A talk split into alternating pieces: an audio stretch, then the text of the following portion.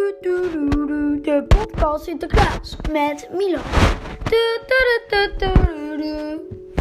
Hallo jongens en meisjes en welkom weer bij de negende aflevering van de podcast Sinterklaas.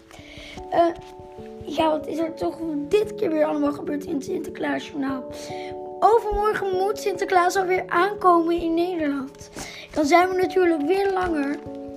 Dus uh, kijk dan zeker ook. Um, ja, want Piet Smeerpoets, die ging dus op zoek naar kolen. En terwijl een andere Piet ging besturen. Maar ja, de kolen zijn nu echt op. Dus hoe moeten zij nou in Nederland aankomen als kolen op zijn?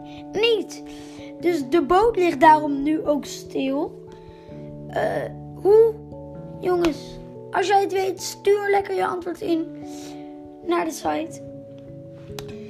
En uh, komt Sinterklaas aan in Mekkeren? Want daar leek het wel op. En inmiddels weten de Pieten ook al, ook al waar, uh, waar de stoomboot aankomt. Allemaal heel geheimzinnig.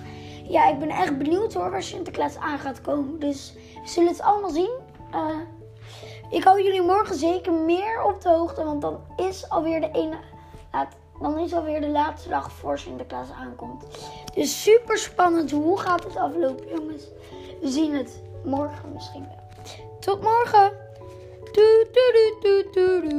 De podcast Sinterklaas met Milan.